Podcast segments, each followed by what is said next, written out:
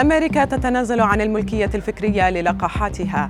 موديرنا تتجه إلى توفير الجرعة الثالثة.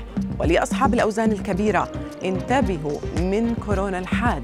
أبرز أخبار الساعات الأربع والعشرين الماضية في دقيقتين على العربية بودكاست. اتخذت الولايات المتحدة خطوة كبيرة في معركة الجائحة القاتلة حيث أعلنت تنازلها عن حقوق حماية الملكية الفكرية على لقاحات كورونا لتتمكن الدول الفقيرة من الحصول عليها وتوفير اللقاحات الآمنة والفعالة لأكبر عدد من الناس في أسرع وقت ممكن. القرار الأمريكي يرمي إلى توسيع تصنيع اللقاحات الأمريكية وتوزيعها لتعزيز الإمداد العالمي بها. لزيادة فاعلية وكفاءة لقاحها أعلنت شركة موديرنا عن تطوير جرعة ثالثة معززة.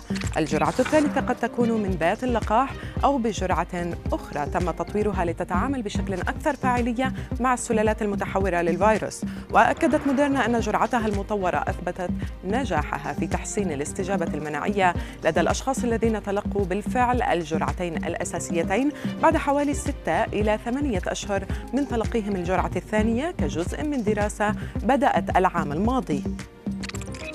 هذا الخبر للمتعافين من كورونا. هناك سبعة اختبارات يجب الحرص على إجرائها بحسب ما نشر موقع بولد سكاي المعني بالشؤون الصحية. فالمرضى الذين تعرضوا لعدوى كورونا وحتى الخفيفة منها يجب أن يكونوا في حالة تأهب لأعراض المشكلات الصحية الأخرى التي قد تظهر في هذه المرحلة بعد أن أصبح الجسم ضعيفا بسبب محاربة الفيروس.